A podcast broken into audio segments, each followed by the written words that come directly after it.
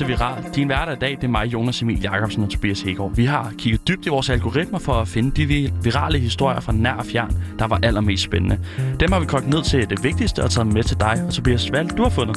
Jamen, jeg har set lidt nærmere på en historie, vi også snakkede om i går, nemlig alle de her regnbuer i München til EM-kampen mellem Ungarn og Tyskland. Ah, spændende. Jeg har lidt mere om John McAfee, der desværre døde i går. Så Ja. ja. skal vi ikke bare skynde os i gang? Jo, det synes jeg.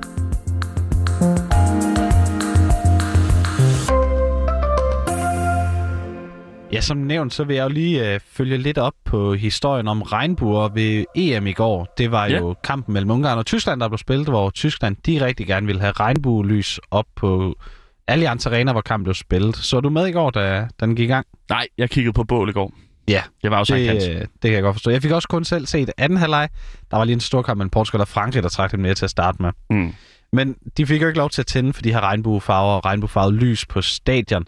Men det blev altså markeret flere steder alligevel. Blandt andet så havde den tyske målmand Manuel Neuer skiftet sit anførarmbænd ud med et i alle regnbuens farver. Ja. Der var masser af regnbueflag på tribunerne, der blev uddelt mm. uden for en øh, stadion. Men der var altså også andre aktioner, lidt mere, øh, lidt mere vilde aktioner end bare et armbind og nogle flag. Okay. Fordi under nationalsangene, da Ungarn skulle synge for, der var der en tysk fan, der løb på banen. Han øh, valgte simpelthen at storme banen, løb ind foran de 11 ungarske spillere og stoppede op og holdt et stort regnbueflag op foran dem. Okay. Så fik han ligesom markeret, hvad, hvad Tyskland egentlig mener. Så stod han der, mens der blev sunget nationalsang, og meget hurtigt klippet UEFA væk fra tv-billederne, så man ikke så det. Ja, det gør de jo. Det er de, de, de, det er de rigtig gode til. Ja. Man må ikke se tilskuer, men når folk falder om, så er det helt fint. Ja. To, Ja. ja, to vagter, de stormede til, fik ham væltet om kul, og så blev han simpelthen trykket ud af stadion. Det, øh, det gad de ikke se på. Nej, Til gengæld så ville øh, fansene rigtig gerne se det. Han fik øh, rigtig stor tiljubling, især fra den tyske del af publikummet, ham øh, løberen her. Men der var jo altså også ungarske fans til stede i München.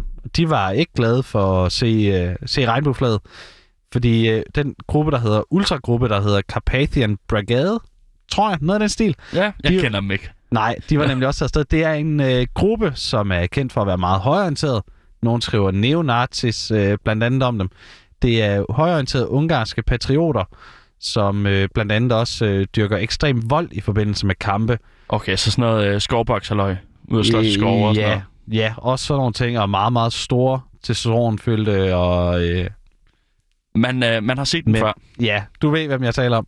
Ja. Udover til fodbold, så laver de også marches, de organiserer gadekampe, og de er også kendt for at være homofobiske, fascistiske og antisemitiske.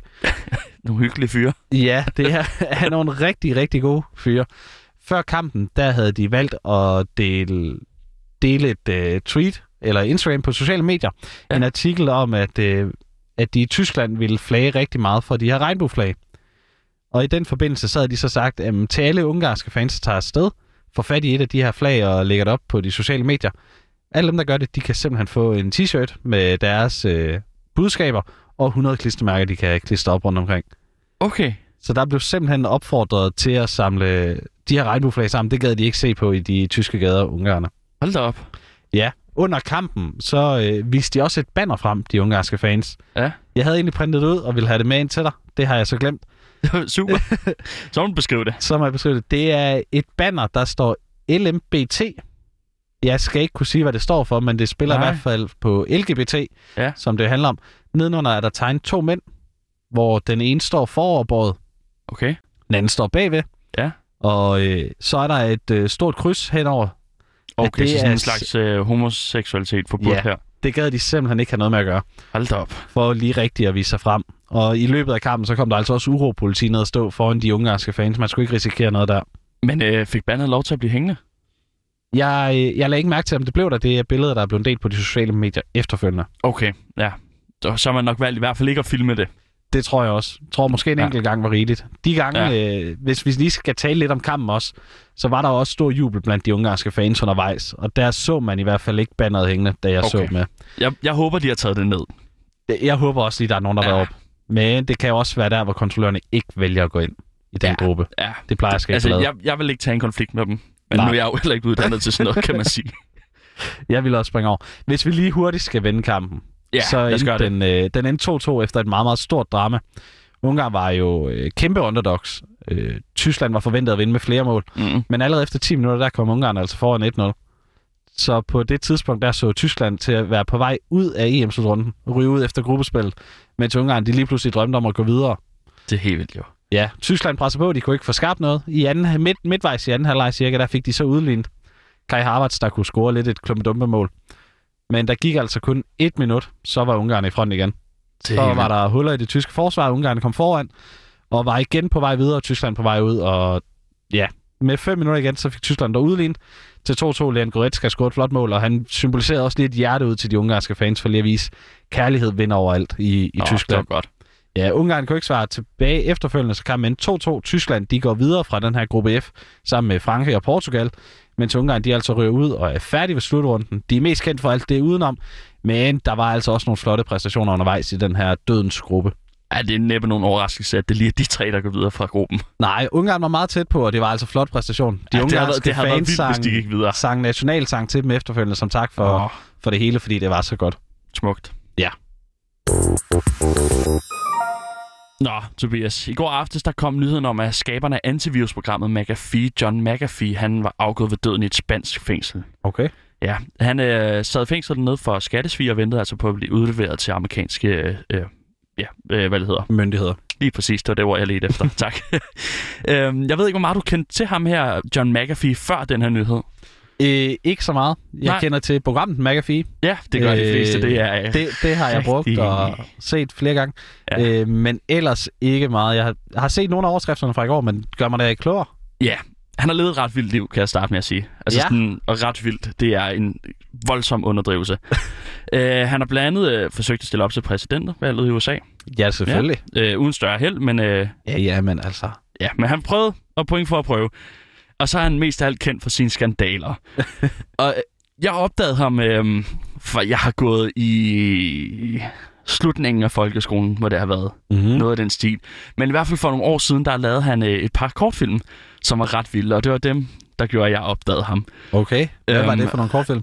Ja, øhm, det var nogen, der ikke virkede, som om de havde et egentligt formål. Men øh, den første af dem, der var han omgivet af letparkerede kvinder og skulle guide seerne igennem, hvordan man afinstallerer McAfee.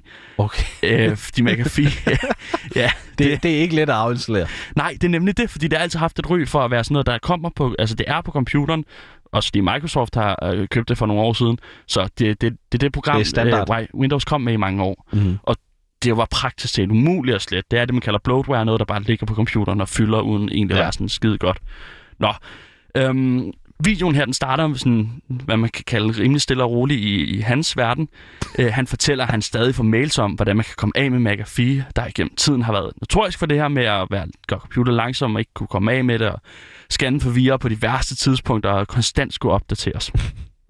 Så introducerer han en tekniker i videoen, der forsøger at afinstallere programmet, men altså ikke rigtig kan finde ud af det. Og det er sådan øh, en, han introducerer som, ham her, han ved, hvordan man gør. øh, resten af videoen går med, at den klipper mellem John McAfee og teknikeren, der begge er omgivet af kvinder, og John McAfee sidder og tager stoffer. Jamen, Øhm, selvfølgelig. Ja, og han, altså, han er i, i, i start 60'erne på det her tidspunkt. Nå, jamen, Ja. Og den også slutter så. leve lidt. Det er det. Han slutter med, at han fortæller, at han engang lavede et smukt stykke software, men virksomheden har ødelagt det, og så skyder han den computer, de har forsøgt at fjerne programmet fra. Og det er altså efter, han er gået ud af virksomheden, at han lige... Så, så de fik ikke slettet McAfee. Nej, de skød bare computeren. Det, men Han er det også, han er også, som en god beslutning. Ja, han er også våbenentusiast. Det skal jeg lige fortælle. Han er kæmpe våbenentusiast.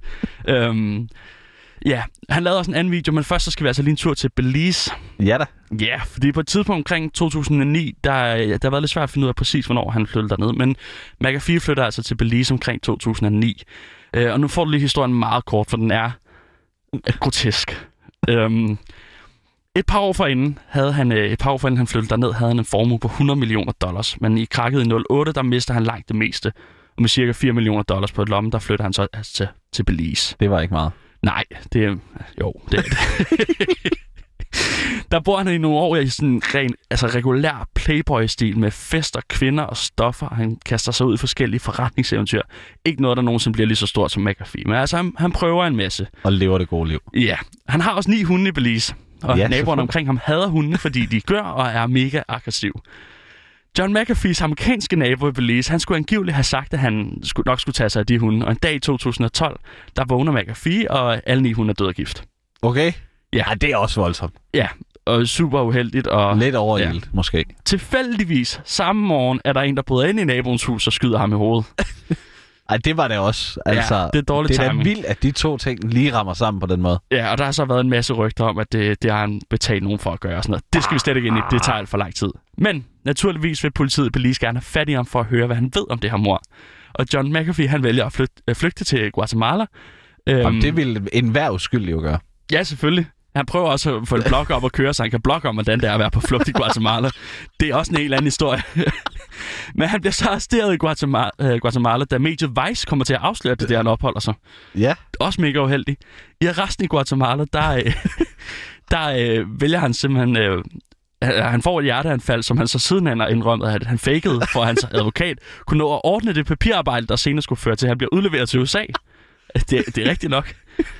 Øhm, Kæmpe vinder, bliver jeg bare nødt til at sige. Ja, nu får du lige meget hurtigt, men øh, det her vender, nu vender vi tilbage til video nummer to, øh, og jeg synes lige, du skal høre fra John McAfee himself, hvad det er, han siger i den her video, som gjorde, at vi først skulle til Belize.